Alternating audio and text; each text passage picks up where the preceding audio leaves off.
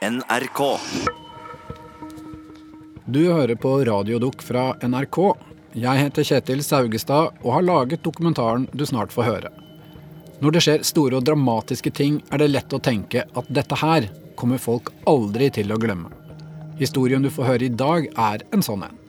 For 100 år siden var et norsk lasteskip fra Sandefjord en av hovedaktørene i en helt sinnssyk, dramatisk tragedie. Her er verdens største eksplosjon.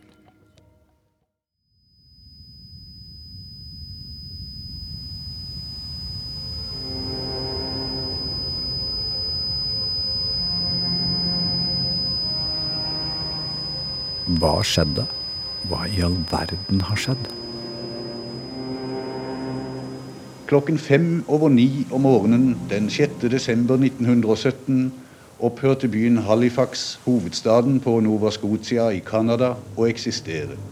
En enorm røyksky ligger over havnebyen Halifax. Det var den største kunstige eksplosjon verden hadde sett inntil atombomben ble sluppet over Hiroshima. Et smell så kraftig at det ikke er til å fatte. Eksplosjonen la mesteparten av byen i ruiner, og omkring 2000 mennesker ble drept. Alt ble ildende rødt foran øynene mine. Jeg kan ikke si jeg husket smell engang.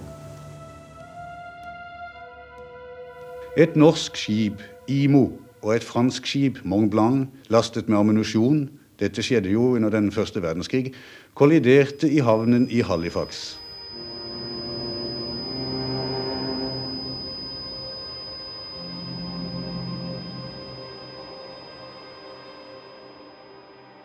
Første gang jeg hørte om katastrofen i Halifax, var hjemme hos Rolf, en pensjonert maskinist og faren til en bestekompis i Sandefjord. Jeg trodde nesten ikke på det han sa.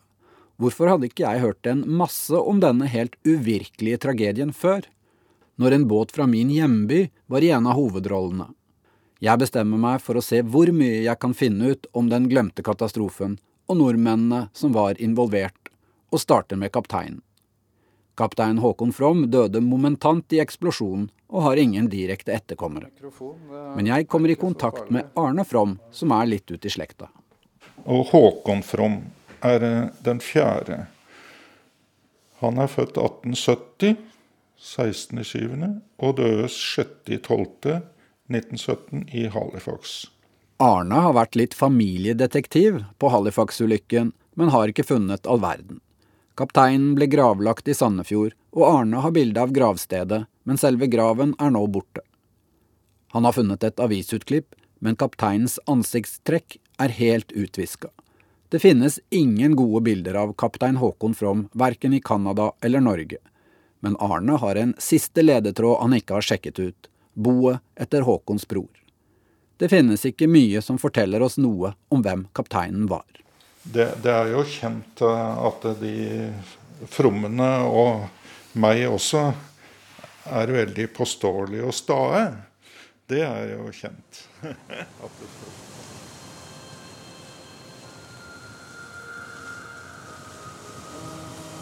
På Imo har kaptein Håkon From med seg skipshunden Ralf, én los og 38 mann. Bjarne Birkeland er tredjestyrmann. Det var tidlig om morgenen den 6. desember 19, 1917 eh, at vi var for utgående med Damskip Imo, på hvilken jeg da var trestyrmann. Du må se for deg en slags stor innsjø som er fem kilometer én vei, åtte en annen vei. Et av verdens største naturlige havnebasseng. Kanskje ligger det 100 skip ankra opp i påvente av en konvoi. Jeg var da på, på bakken ved siden av tømmeren. Vi sto da klar med ankerne for utgående, som alminnelig skikk og bruk er. Imo skal videre til New York for å laste om bord korn, som skal fraktes til Rotterdam, til de nødlidende under første verdenskrig. Historiker Joel Semmel. Uh, so anyway, so what happened was, is when they came down, there was an American ship coming up called the Clara. Pga. at Klara har tatt en snarvei på tvers av kjøreretningen, må Imo vike og havner i feil led. Losene i havna følger sine egne regler. But the pilots had a had their own rules sometimes, and they didn't obey the rules of the Admiralty. So Så kommer slepebåten Stella Maris. Den tauer på flere lektere og hindrer Imo i å svinge tilbake inn i rett kjøreretning. Imo blir værende i feil led. Fra det store havnebassenget går det en kanal, som en bred elv på noen hundre meters bredde, ut til havet. Kanalen har en knekk på seg, som gjør at skip som er på vei inn, er skjult bak en ås når man seiler ned kanalen, eller roværet, som Birkeland kaller det. Da vi var kommet et stykke nedover i roværet, fikk vi en annen båt i sikte som viser å være en fransk båt, Mont Blanc, som var lastet med ammunisjon. Den var da for inngående.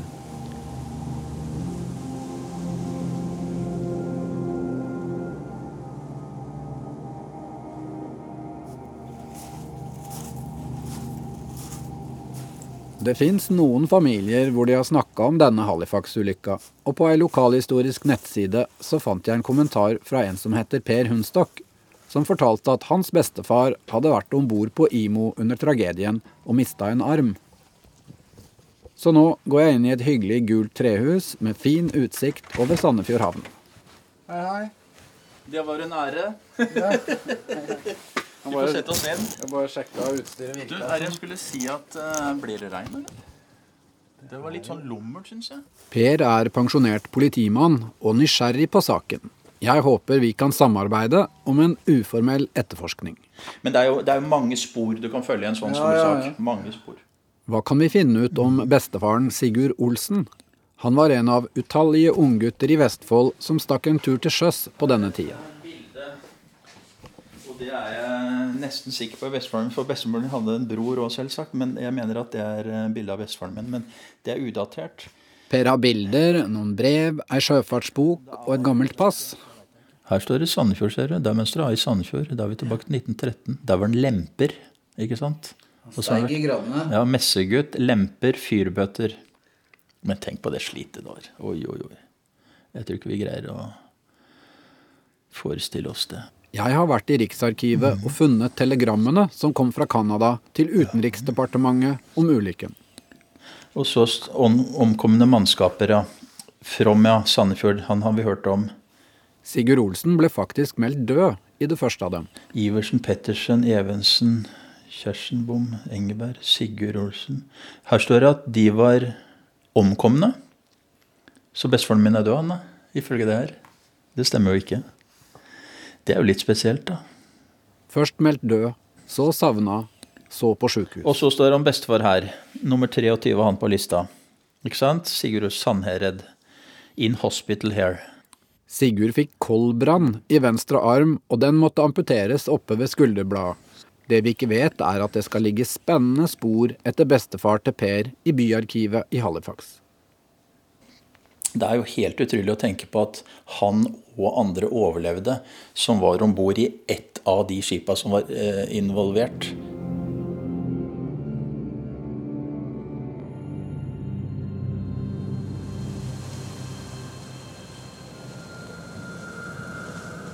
Det franske skipet Mont Blanc er tregt og sliten. Det har ligget for anker over natta på utsiden av innseilingen til Halifax havn. Losen heter Frank Mackay. Han er en av svært få som vet om at de har dødelig last under beina. Well, I said, just wait a minute. You're standing on top of 500 tons of TNT now, both of us. Det er en fatal kombinasjon av TNT, tørr og flytende pikrinsyre, nitrocellulose og 500 tønner brennbar benzen surret på dekk. Now I says, that's a damn bad cargo. A damned bad cargo indeed. Senere ble sprengkraften beregnet til å tilsvare 3000 tonn TNT.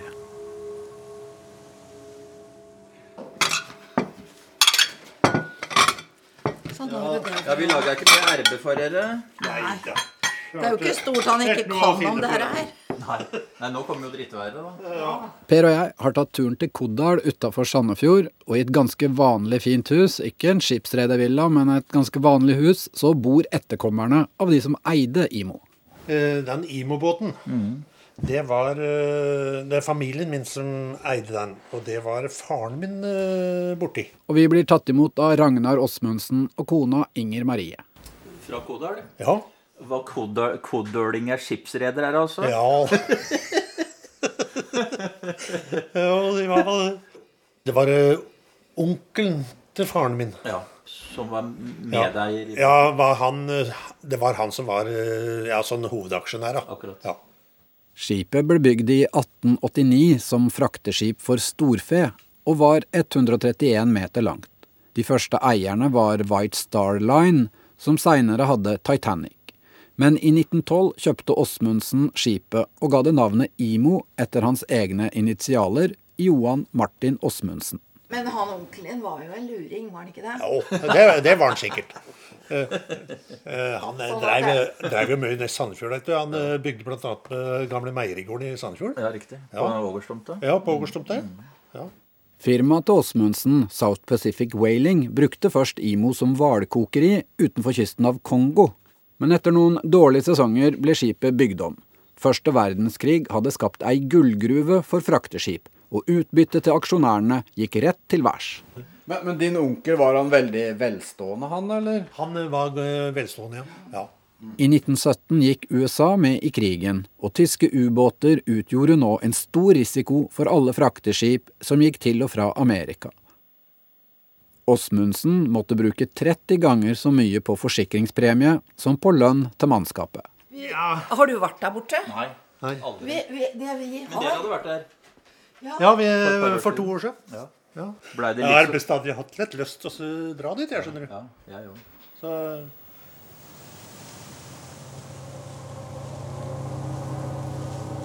Imo seiler ut kanalen i feil led. Mont Blanc er på vei inn på møtende kurs. Losen Frank Mackay forstår noe er galt. And the other ship was coming down on his wrong side. Should have answered me with one and kept close to the Halifax side. Hvorfor viker ikke Imo nå over på rett side? Er hastigheten så lav at skipet ikke har styrefart? Det tror Joel. But I believe, and this is my opinion, that the boat had to slow down. Imo er uten last og ligger høyt i sjøen, vrien å manøvrere. right into the path of Mont Blanc. It's not that they wanted to be there. I don't think they could get back. Hvem har egentlig siste ord om bord på Imo? Er det losen William Hayes eller kaptein From? Imo skulle dratt dagen før, men fikk ikke om bord kull til dampkjelene som avtalt. Senere har flere spekulert i om From var hissig eller utålmodig av den grunn, men ikke Joe. And this whole thing about Fromm being a hothead and all that, I think that's crap. I don't believe any of that. I I have a great story of him that Janet Maybe gave me about him and a, a, German guy named Mr. Schmall in Philadelphia. Have you ever heard that story? En gang stakk Håkon From fra kai med Imo i Philadelphia uten å betale regningen for noen reparasjoner. Det ble rettssak. Da forklarte From at årsaken til krangelen var at verkstedeieren var tysker. Og From likte ikke tyskere. Men nå er Imo på kollisjonskurs med Mont Blanc, som ligger tungt i vannet, lastet til ripa med eksplosiver. I think it was just an error in judgment, if anything. Yeah, yeah, yeah. And that's all. I blame them both for not stopping when they saw. Like to me, it was like, excuse my language, it was a pissing contest.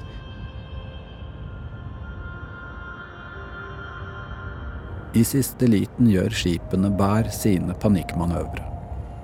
Imo slår full bakk, med det resultatet at baugen svinger ut. Samtidig skifter Mont Blanc kurs i siste liten, og resultatet blir kollisjon. Men det er ikke spesielt i seg selv i en hektisk havn. These things happened all the time.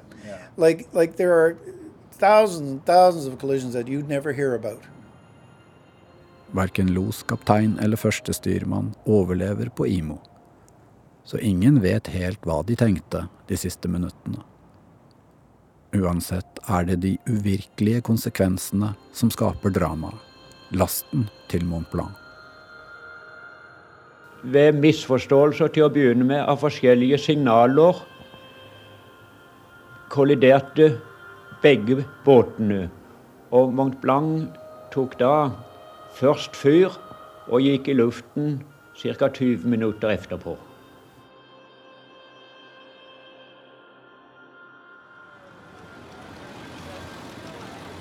Det er i Halifax mange av svarene ligger, og etter en lang flytur så er vi der.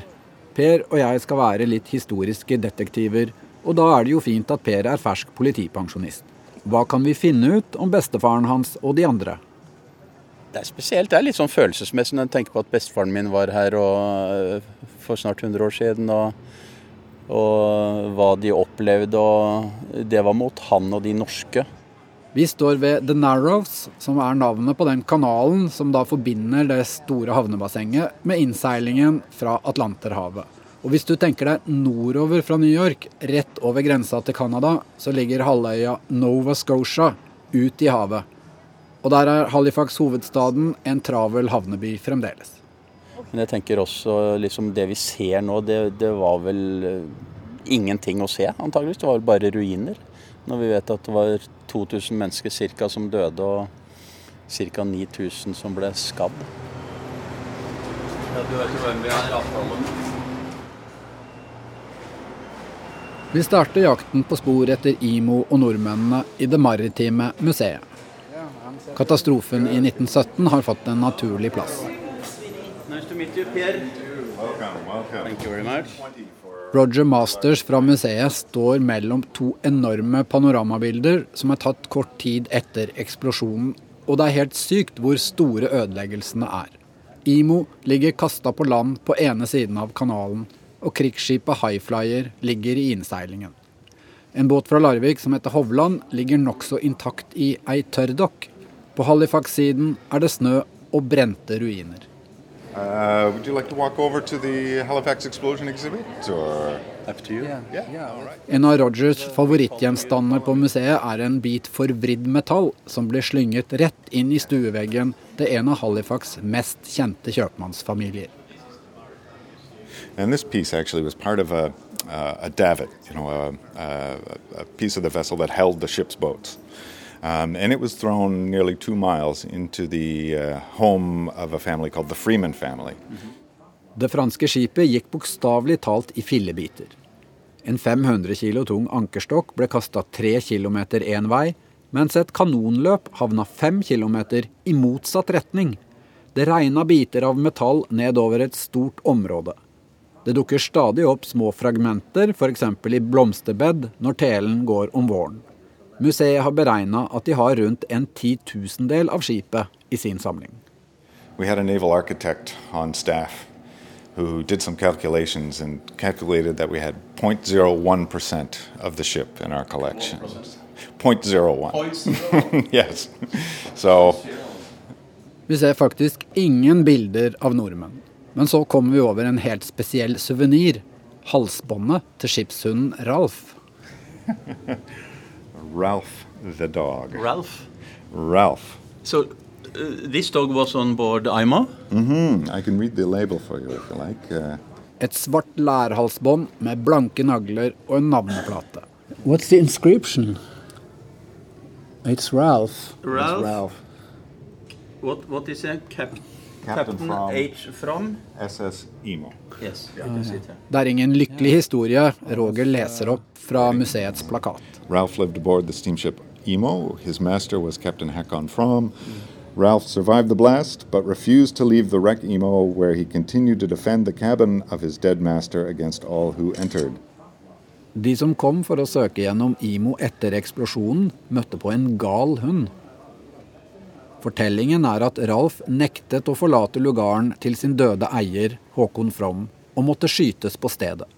Men det føles brutalt, og stemmer ikke helt med det jeg har hørt at styrmann Birkeland skal ha fortalt. Soldiers trying to secure and salvage the ship eventually had to shoot him. So, not a happy story, alas.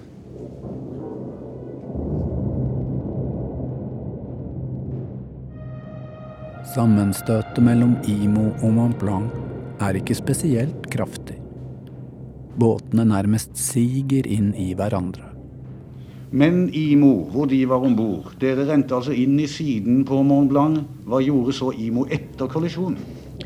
Vi forsøkte da å bakke ut igjen, hvilket lykkes.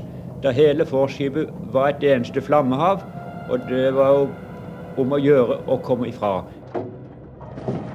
På fordekket er det surret fast hundrevis av tønner med brennbar bensin. Noen springer lekk, og forskipet på Mont Blanc står i full brann. Enda mer alvorlig er det at det har tatt fyr i lasterom under dekk. Men vi hadde jo ikke anelse om at den var lastet med ammunisjon. Brannen er umulig å slukke. Losen Frank Mackay og det franske mannskapet tror at det står om sekunder. I said, the only thing to do is save your crew. I said, get them in the boat. Mannskapet på Mont Blanc visste jo selv hva båten var lastet med, så livbåtene ble satt på vann med en eneste gang, og de rodde i land til nærmeste strandkant og forsvant opp i skauen. Sentralt i downtown Halifax så rager det et fasjonabelt leilighetskompleks med vakt i inngangen, en enslig liten skyskraper, og helt på toppen i en penthouse-leilighet så møter vi en erkebritisk skikkelse à la Miss Marple. But now, would you pronounce it Imo or Emo? Well, we, we would say emo. So. Yeah. Janet Kitts er over 90 år gammel og en slags helt i denne historien. Hun dro fram Halifax-ulykken mens pårørende og overlevende fremdeles var i live og kunne fortelle. Should one remember history? I think so. But not everybody does. Janet viser oss en fantastisk utsikt over innseilingen, kanalen og havnebassenget. Now, the Atlantic Ocean. This is Island. Her sperra britene innløpet med ubåtgitter. De stengte om natta slik at tyske ubåter ikke kunne snike seg inn. And, and this is the seaman's book. Per viser fram minnene etter bestefaren. Ah, it Still, shows where he's and, been. and my, my grandfather's name that time was Olsen, a no, very Norwegian name. But Pers bestefar mønstra på Imo som fyrbøter bare tre uker før katastrofen i Halifax. uh, he signed on IMO the 14th of November 17, only a few weeks before the disaster. What a pity. What a pity.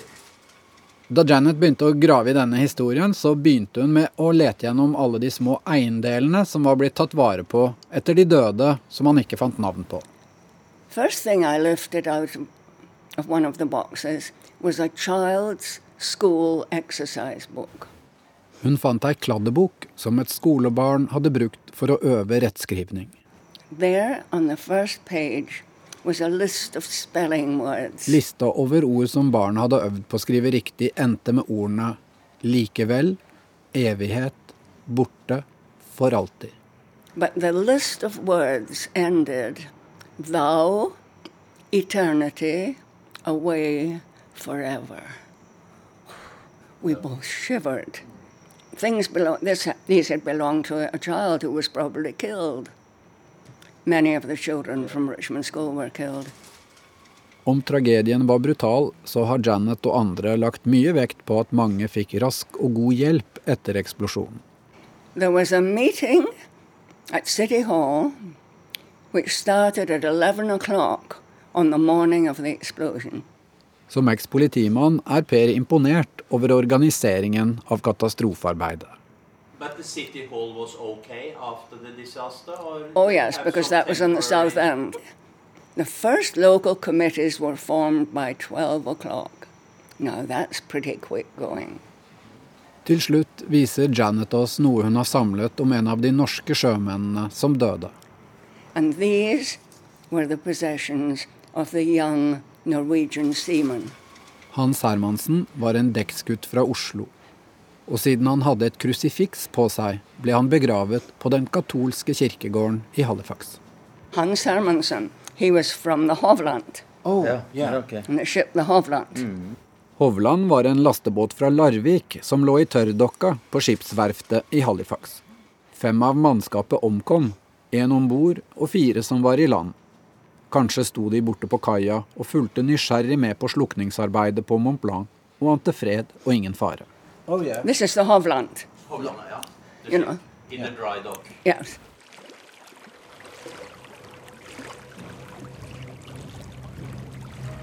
Ute i kanalen er Mont Blanc i full fyr. Skipet driver sakte inn mot kaiene i kjernen av gamlebyen. Imo kjører frem og tilbake i et forsøk på å snu, slik at de kan komme seg inn igjen kanalen og til havnebassenget. Men altså bare på en skipslengdes avstand så hadde jo mannskapet om bord i Mont Blanc hatt muligheten for i hvert fall å rope advarsler over til dere. Ja, det er det ikke tvil om. Og min forståelse har he hele tiden vært at de fikk panikk. De visste selv hva båten var lastet med, og så var det bare å komme i sikkerhet. Mannskapet på Mont Blanc ror mot land. Bortsett fra dem er det nesten ingen som vet at skipet er en gigantisk brennende bombe. Førte den ingen signaler som viste sånt? Nei. Pga. krigen førte den ikke det røde flagg som ellers er alminnelig kutyme.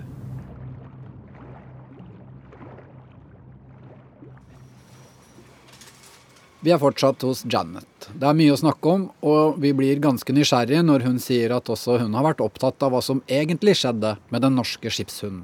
Yes, Ralph. I thought Ralph was a very good name for a dog. Yeah, but Ralph. Ralph, Ralph you know. yeah, oh, that, that is the reason. Ralph. Mm. Ralph. Mm. Janet har etterforsket det flotte halsbåndet til Ralph. It does have the name. It's a lovely, it is very touching, isn't it? Hun prøvde å finne ut hvor halsbåndet kom fra, og hvem som ga det til museet. Now that collar was found lying in the basement of the public library. So I started asking around, and I found who had given it to the library. And it was the woman who said that it had just been found somewhere. So she really couldn't help me very much. Yeah. I could never find out what happened to Ralph. Historikeren Joel Semmel har sendt meg et vitnemål fra 1917. En Hervey Jones var en av de som gikk om bord i Imo etter smellet for å søke gjennom det hardt skadde skipet. But they went through the ship, and they came, there was a dog that they came across that was crazy. And, uh, and they shot the dog. Jones forteller om et hjerteskjærende hyl fra en gal hund i mørket under dekk på Imo. De klarte ikke å få kontroll på bikkja og måtte skyte den. Ralph, Ralphie, I think, was, uh, Ralph was, was uh, dog. Men så trekker Joel fram en helt annen teori. The theory of the second dog. At om bord på Imo var både en hund som var kapteinens, og en annen hund som var mannskapets. But the other dog was the other cruise. Was the ship dog, like a ship dog, who happened to like. Well, you read the article. Artikkelen Joel snakker om, sto på trykk i Vestlandske Tidene i 1962. Der ble styrmann Bjarne Birkeland intervjua. Han forteller om skipshunden som reddet livet hans etter ulykken. Birkeland sier at han våkna opp med skipshunden over seg, at bikkja holdt ham varm og hindret at han frøys i hjel. Hunden ble med han til krysseren Highflyer, men der måtte han forlate den, og en engelsk offiser sverget å ta godt vare på den. Disse to vitnemålene går jo ikke i hop uten teorien om to hunder. Men kanskje vi kan spore opp Birkelands familie i Norge, og at de kan fortelle mer. Activate switch. Jeg fant en switch på sida. Reception registration. Per og jeg er på stedet vi har størst forventninger til å finne klare spor etter bestefar Sigurd, Byarkivet. Hello. We have an appointment with uh, Gary Shutlak. Yeah. Gary Shutlak har jobba her nesten hele livet og har funnet fram alt de har om Sigurd Olsen. Down here it says, and you can pronounce Sigurd. Yeah, Sigurd. It's my grandfather. Right. Amputated mm. arm. Right. He put in this claim for these various items. Er det hans håndskrift? This is my grandfather's uh, Handwriting? handwriting. Per smiler når han ser bestefarens håndskrift, en liste over alle eiendelene han har mista og søker erstatning for. Uh, one dozen collars. You remember the, in the old days, your collars would Ah, yes, yes, yes, yes. The Christmas presents in Norway that time. so this is uh, what he uh, reported as his uh, Men Sigurd får ikke erstatning for tapte eiendeler. Claim for uh, $204 not paid.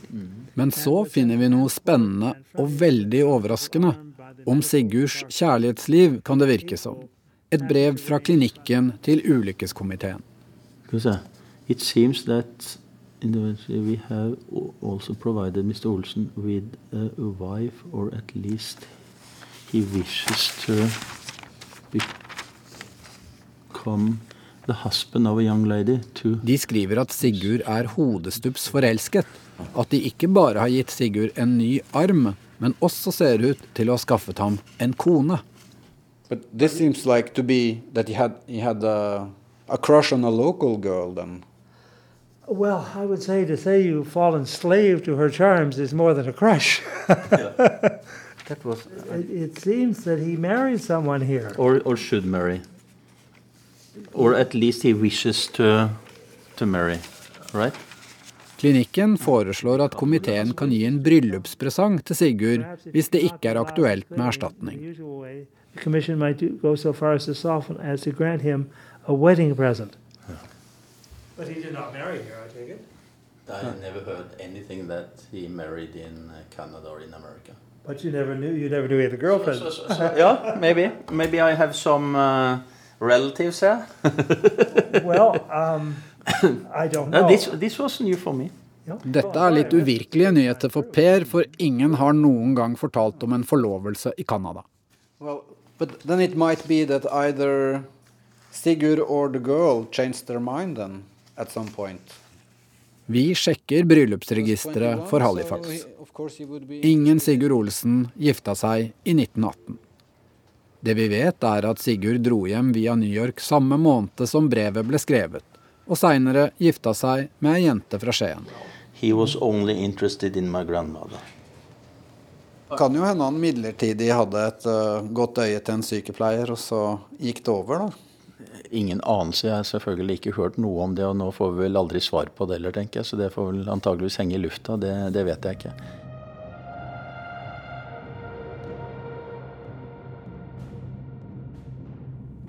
Det er litt over klokka ni en desember torsdag morgen.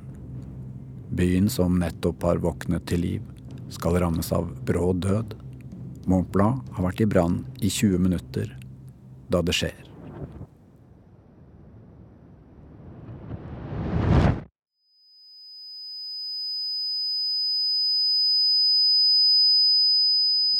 Det eneste jeg kan huske, at alt ble ildende rødt foran øynene mine.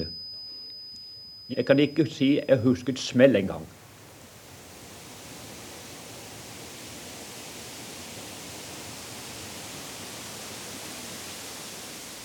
Av de snaut 2000 som omkommer, drepes 1600 mennesker momentant. Hus og bygninger i en liten kilometers omkrets blåses over ende. En enorm sky av røyk og vrakrester står over byen. Mange tusen vinduer blir pulveriserte. 600 mennesker får splinter i øynene. Kirurgene opererer døgnet rundt for å redde synet på flest mulig, men må fjerne 250 øyne.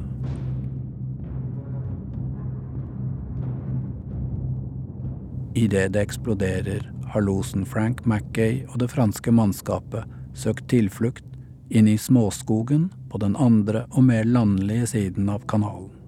Losen og kapteinen blir slått i bakken, og et tre faller over dem. We were knocked right down, and there tree fell over us.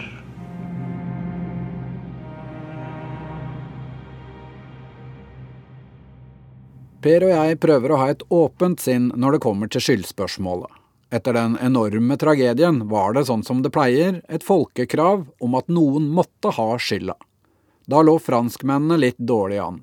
For det første hadde de jo overlevd alle sammen. Vitner mente de ikke hadde gjort nok for å varsle om faren.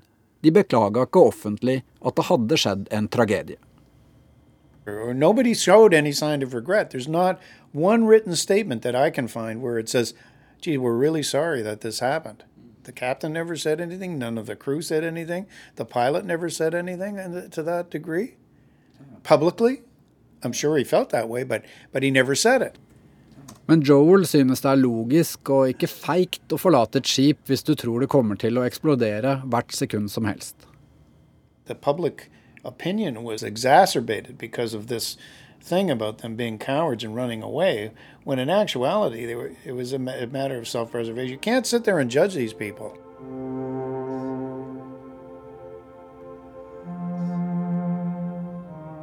På Imo hadde både losen og kapteinen mista livet, og ingen kunne forsvare hvordan de manøvrerte. Det var litt mot britisk fair play å klandre de døde på den norske båten. Which means you don't speak ill of the dead. So Resultatet av den første høringen var at all skyld ble lagt på den franske båten, og det på tross av at de hadde forkjørsretten. De burde vært mer forsiktige når båten var lasta med tonnevis av sprengstoff. Men Joel mener den første sjøforklaringa var helt partisk. No, like that doesn't count. The first judgment was, was completely biased. Seinere blir det rettssaker, men da har det også gått politikk i saken, og det handler om hvem som bestemmer og har ansvar. Det er losvesenet, havnevesenet, både canadisk og britisk marine. Så det ender med at alle frifinnes, og skipene tildeles like mye skyld. Og det mener historikeren Joel Semmel er greit nok. I think given what they had and what they did, I think it was blame. Um, because I think they both should have stopped when they had the chance.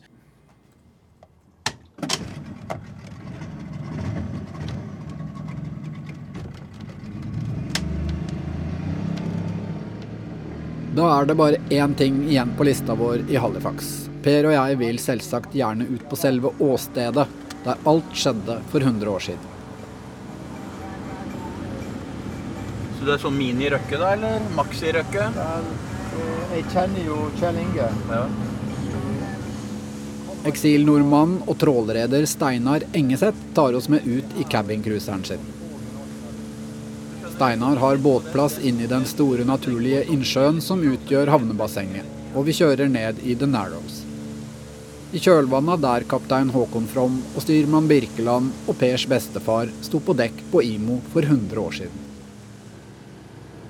Ja, nå ser du eh, vi er her, og sånn at kollisjonen vil nok ha skjedd akkurat bak oss nå. Og, og eh, Imo den driftet da over eh, på den siden der. Så den sandbanken, eller det, det er ved de tre tankene, eller de tre eh, pipene ja, der? Ja, riktig. Spesielt å være her, Per. Ja, det, det er virkelig. Det er nesten så at en får tårer i øynene når en tenker på hva som skjedde. Altså. Ja. Det må jeg si. Og liksom, liksom nærmere kommer du ikke. Det er helt umulig. Og én ting er at en har lest og sett karter og studert, men nå ser vi det så selvfølgelig annerledes ut for 100 år siden. Hva betyr den ulykken for deg? Nei, det eh, Som nordmann så eh, Det første jeg begynte å se på, var hvem som hadde skylda. Og jeg tenkte på de norske sjøfolk, som var alltid veldig flinke, de mest profesjonelle. Og, eh, men jeg har aldri hørt at eh, det var IMO som fikk skylden. Og at det ble delt skyld, det tror jeg kanskje var litt politisk. Men eh, jeg kan jo ikke si det, da. Som patriot kan Men patriot kan jeg si det.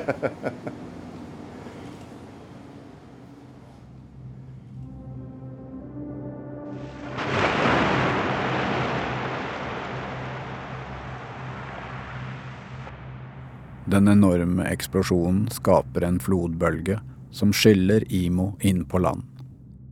Av eksplosjonen ble han kastet helt inn på strandkanten, så han sto faktisk talt nesten tørr. Styrmann Bjarne Birkeland husker ikke mer enn bruddstykker. Jeg mistet bevisstheten for de eh, amerikanske marinegaster. Fant meg på dekket under en av to vinsjene atskillige timer senere. Og da var det brutt ut en kolossal snøstorm, så jeg lå faktisk halvt helt nedsnedd. Men hva med Ralf?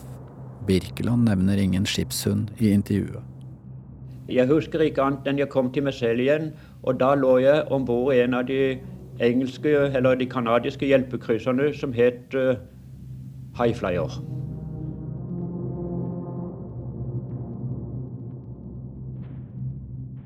En annen norsk sjømann har også fortalt om Highflyer. Maskinsjefen på IMO, chief Louis Skarre, var på vakt i maskinen dagen alt skjedde. Hei, hei. hei. Kjetil. Jeg treffer barnebarna Borghild Larsson og Nils Louis Skarre i familiehytta ved Sandefjordsfjord. Skarre var øverste overlevende offiser på IMO.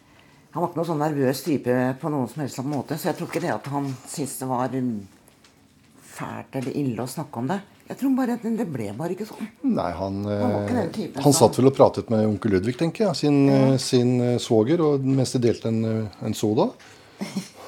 Og satt vel og snakket om sitt liv til sjøs. Ja. Louis fikk en kraftig trøkk i hodet av en flyvende metallting i smellet. han hadde et lite hakk oppå, oppå hodet, for han Jeg husker jo det veldig godt, fordi at han eh, var skallet, bortsett fra en sånn krans med hår sånn rundt. Da jeg var mindre, da, så lånte jeg eh, den lille brodersaksen til farmor. Og så ba farfar meg klippe de små hårtrådene som kom opp midt på skallen. da. Og da så jeg alltid det der hakket oppi hodet hans. Mm. Jo, men jeg husker det hakket, altså. ja. Husker det, Fordypning. Visste at det kom fra den Halifax-eksplosjonen. Mm. Det visste jeg. 40 år seinere skrev Louis Garre ned litt om det han hadde opplevd. Louis var med skipet hele veien. Det blei tetta og slept til New York og reparert der. Han var med da båten igjen ble hvalkokeri i Sydishavet. På hytteveggen i Sandefjord henger et foto av skipet som et minne. Da er det bildet av eh, IMO eh, den i ettertid, da den het Guvernøren. Så her ligger den til kai og losser antageligvis da hvalolje. I 1921 gikk skipet på grunn og sank utenfor Falklandsøyene under navnet Guvernøren 2. Barnebarnet viser meg et argentinsk frimerke til minne om Mimo. På Falklandsøyene ligger det rustne ankeret igjen på stranda den dag i dag.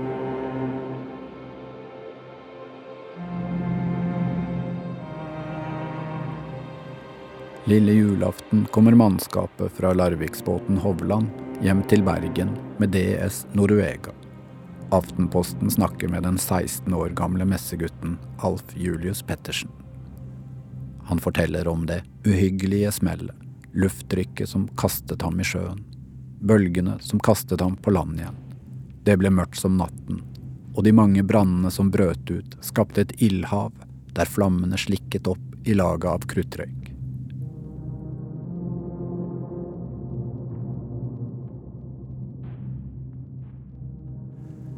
Jon Johansen fra Sandefjord var rormann på IMO, og han opplever dramatikk på sykehuset.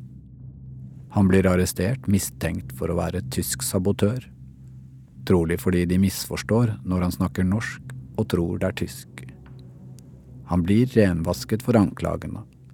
Men Joel har funnet en artikkel som viser hvordan konspirasjonsteoriene levde videre i lang tid. Hele fem år senere skriver en avis i Quebec at Johansen skal ha tilstått å stå bak tragedien i Halifax. I samme artikkel omtales han nå som suicidal kjemiker fra Finland. Ja, klokka den er snart 13 eh, minutter over to, 14.13 altså, og vi er i 2017. Men nå Vi befinner oss i ettermiddagssendinga til NRK Vestfold. Hele tida mens jeg har jobba med Halifax-ulykken, så har jeg vært på jakt etter flere spor etter de norske sjøfolka. Men nå så skal vi tilbake 100 år i tid og til en katastrofe som eh, Og jeg har nemlig gjort et spennende funn. Arne From, slektningen til kapteinen, hadde tipsa meg om at det kunne være eiendeler igjen etter kapteinens bror Einar i Sylling. Og hos Lier historielag lå det overraskende nok et jernskrin på ei hylle. Nå kan jeg åpne åpne opp det her, så kan jeg vise deg. Hva er det du har der? Ja, det, dette skal jeg vise deg. Dette er altså en, en aldri så liten juvel i denne fortellingen. Hvis Her er får jeg altså du Oi, jeg skal ta veldig forsiktig. Det- Det, er altså et avisutklipp. Kaptein Håkon From. Det har ligget luft- og lystett oppi dette skrinet i massevis av år, så det har ikke gulna. Det er altså det beste og kanskje eneste gode bildet av kapteinen på IMO som var involvert i denne spektakulære Én ting gjenstår. Familien til Bjarne Birkeland har nemlig aldri hørt intervjuet med styrmannen fra Lillesand gjort med NRK da det var 50 år siden Halifax-tragedien.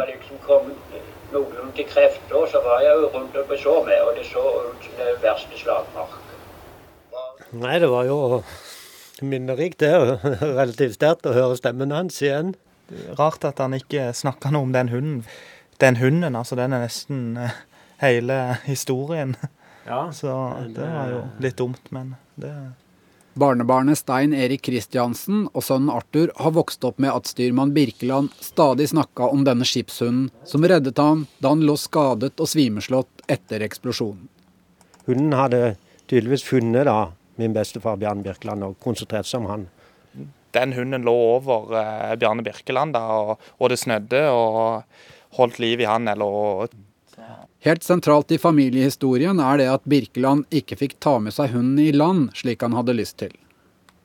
Så Det var en engelsk offiser som jeg har eh, fått fortalt av han, som, eh, som da avla nærmest en ed på at, at denne hunden her skulle få det godt, og han skulle passe på han. Birkeland var helt tydelig på at Ralf var en Airedale terrier, og familien hadde senere to av samme rase, som het Tott og Raggen. Så se her, du. Arthur, kjenner du han? Ja, det er det. Raggen. Vi har jo alle etterkommerne etter eh, Bjarne Birkeland har jo faktisk hund den dag i dag. Da Birkeland selv lå for døden i 1979, ble det Stein Erik som måtte love å ta vare på hunden hans. Ja, da måtte vel jeg da som, som barnebarn òg tre inn i den antagelig samme situasjonen som, som, som han engelske offiseren var. Og da ble jeg liksom innkalt til Han lå i senga, jeg ser det for meg enda det, dette her. Han, han, lå i senga på slutten de siste dager. Og da klistra han på seg den alvorlige mina. Det kunne se med en gang. Og så, og så dette måtte jeg bare bekrefte at den hunden skulle bli tatt godt vare på.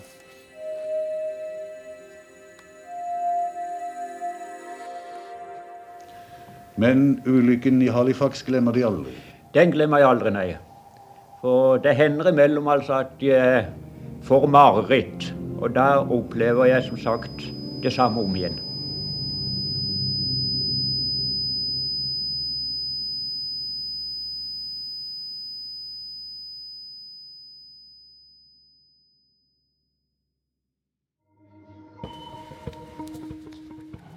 Du har hørt radiodokumentaren 'Verdens største eksplosjon' om det norske skipet Imo og katastrofen i Halifax i 1917.